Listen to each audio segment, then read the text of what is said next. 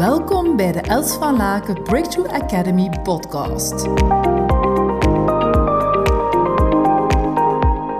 Ik kan me nog een verhaal herinneren van jou van toen, uh, toen COVID voor de eerste keer in de lockdown ging. Um, hè, wat, wat, wat, voor, uh, wat voor lichamelijke reactie je toen had. Zou, zou je dat verhaal willen delen en ook um, hoe, je, hoe je uit die kramp hebt kunnen stappen en terug te gaan naar vertrouwen, weer terug te gaan naar kijken en mogelijkheden? Ja, ik zie mij daar nog heel goed staan. Dat was hier, uh, ja, wel eigenlijk hieronder, dat, uh, exact hieronder waar ik nu, nu zit. Aan de achterdeur, op zaterdagmorgen bij mijn man.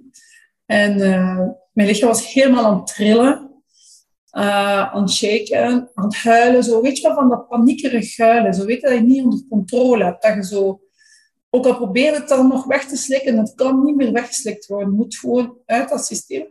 En dat je zo ook merkt dat je dan niet echt deftig praten en zo. Dus ja, ik kwam echt in contact met een eigen trauma van mijzelf. En ik kende het eigenlijk wel heel goed. Dan word ik terug die zevenjarige kleine meid. Die, um, ja, die haar moeder hoort praten. Dat, uh, ja, ik ga gewoon terug aan in mijn ogen. Dat, dat, ja, dat is wat dat, dat wij dan heel veel te horen kregen van... Ja, uh, um, ja, we gaan moeten opletten, want we gaan misschien belanden op de zwarte lijst. En de zwarte lijst, ik weet niet of dat nog bestaat in België, maar dat was toen van als je daar drie maanden of zo op vertoefde op die zwarte lijst, dat was als je onder de 50.000 Belgische frank ging. Dus dat, dat is nu 1500 euro als je daar langer dan drie maanden stond in de Dandisero, dan kon je eigenlijk geen leningen meer krijgen. Of allee, dan, dan, ja, dan beginnen ze zaken te ondernemen, zoals uh, dingen van je huis en zo. Dus ik heb altijd zo wel een beetje in die, dan in die kramp gezeten van... Allee, onbewust besef ik nu, hè, van oh, we gaan in ons huis verliezen, we gaan hetgeen dat er is, gaan we verliezen. Um, en mijn moeder deed dan van die praktijken waar dat ze dan ja, bij een andere partij geld gaan lenen om dat dan op die bank te zetten. En zo zat hij dan echt tijd in schulden. En Hans, dat stuk was in een split of a second weer helemaal geactiveerd. En oh nee, we gaan ons huis moeten verkopen en dat gaat helemaal niet goed komen. En, en ik weet dat mijn man zei van, stop, je zei, we gaan hier echt geen boterham minder door eten. En je komt weer in datzelfde straatje terecht van een doodlopende straat. Van die, hè, van die jonge Els die, ja, die het moeilijk had. En die ja, ergens dan inderdaad niet geloofde dat, dat geld inderdaad uh, zomaar aanwezig zijn en naar ons toe mag stromen. Maar echt, schat, het gaat nooit meer zoals daar zijn. En ik ben toen heel dankbaar dat hij dat toen tegen mij heeft gezegd. Uh, dat heeft mij even wakker gemaakt van, ja, dat, is ook zo. We will make this happen, it will be okay. Maar hoe dat we zo soms in zo'n trance kunnen gaan, in een kinderlijke trance is dat echt. Hè? systemisch werk noemen we dan kinderlijke trance. Dat is zo vanuit, vanuit um, loyaliteit en vanuit magische liefde naar ons familiesysteem, dat we gewoon nog altijd dat stuk gaan dragen voor onze ouders, voor onze oma of opa, en vanuit verschillende generaties komen. Dus dan blijf ik eigenlijk nog loyaal, allez, bleef ik toen aan mijn moeder nog loyaal van, oei, oei, we gaan in de miserie geraken, dan ga je nooit opgelost worden en misschien moet het huis verkopen, et cetera. Terwijl nothing was really going on. Dus het eerste wat, ik, wat ik moest doen is gewoon weer ademen, want ja, dus dankzij mijn man dat bewustzijn ah, oké, hier zit ik dan, ademen.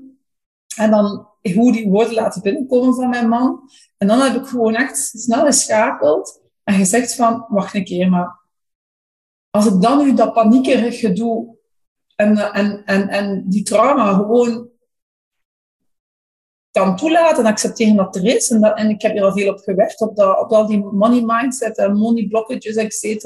Maar dat dat er is en dat dat goed komt, dat ik daar een keer gewoon kan zeggen, stel nu dat het helemaal niet meer draait in mijn organisatie en dat alles platvalt voor een jaar, kan ik dan op mijn man rekenen? Ja, ik kan op mijn man rekenen. Dus laat dan gewoon een keer daar. Laat uw man nu een keer eindelijk voor je zorgen. Want daar, als vrouw zijn we daar ook niet altijd zo goed in. Dat een man gewoon zichzelf mag zijn. En een man, eigenlijk, als ik terugkijk naar die Neandertalers, zorgde die voor zijn gezin. En was zij degene die ging gaan zorgen voor dat stuk vlees. Hè? en nu, vanuit die evenwaardigheid, ja, en, en dat is nog altijd evenwaardigheid, maar zou het soms ook niet toelaten aan de man een man mag zijn. Dus dat was ook alweer helder van, oké, okay, stel dat er eens weer binnenkomt, kan ik daar eigenlijk, hè, ik ben dat ook gaan vragen aan man, die dat ook bevestigt. En dan heb ik gezegd, oké, hoe kan het nu ten dienste zijn van mijn klanten? Hoe kan het nu ten dienste zijn van de wereld? Waar heb ik een bepaalde kennis over? Waar dat de mensen nu op dit moment met de COVID iets mee kunnen zijn. En dan was het voor mij heel helder, ah, oké, er zijn nog heel veel mensen die nu over moeten gaan naar online business. En er zijn heel veel mensen die in offline wereld zitten en die daar eigenlijk nog geen kennis over hebben. Dus ik ben diezelfde zaterdag heb ik mijn papier gepakt en ben gewoon, uh, ik heb twee dingen gedaan. um, voordat ik naar dat, naar online programma ben gaan, ben ik eerst ook op mijn huidige klanten ten dienste. Ik moet het de juiste woorden vertellen. Hoe kan mijn huidige klanten ten dienste zijn? Ik zeg, oké, ik zet nu een mail eruit naar mijn klanten. Morgenochtend om 10 uur op zondagochtend ga ik twee uur ter beschikking zijn van jullie om te praten over COVID en hoe dat jullie hier als coaches, trainers, zelfstandigen stappen kunnen nemen. Ik ga gewoon zeggen, dat zijn volgens mij opties dat je kan doen. Heel veel van mijn klanten waren aanwezig, dus dat was echt een blessing van dat te mogen doen. Ik moet even een beetje water drinken met mijn uh, die ik ook heb. En dan de tweede heb ik dus gewoon een blad gepakt en ik heb gewoon gezegd van kijk, als, uh, en dat, uh, dat product bestaat nog steeds, online businessbouw. En wat zijn dan vervolgens een aantal blokken waar dat ik het over moet hebben. En de maandag ben ik begonnen met opnames te doen en een week later heb ik dat gewoon al aan de mensen ter beschikking gesteld. Het was een klein productje van 97 euro. En dat eigenlijk 3000 euro is dat ik aan een tiende van de prijs heb gegeven aan de mensen. Gewoon om ten dienste te zijn.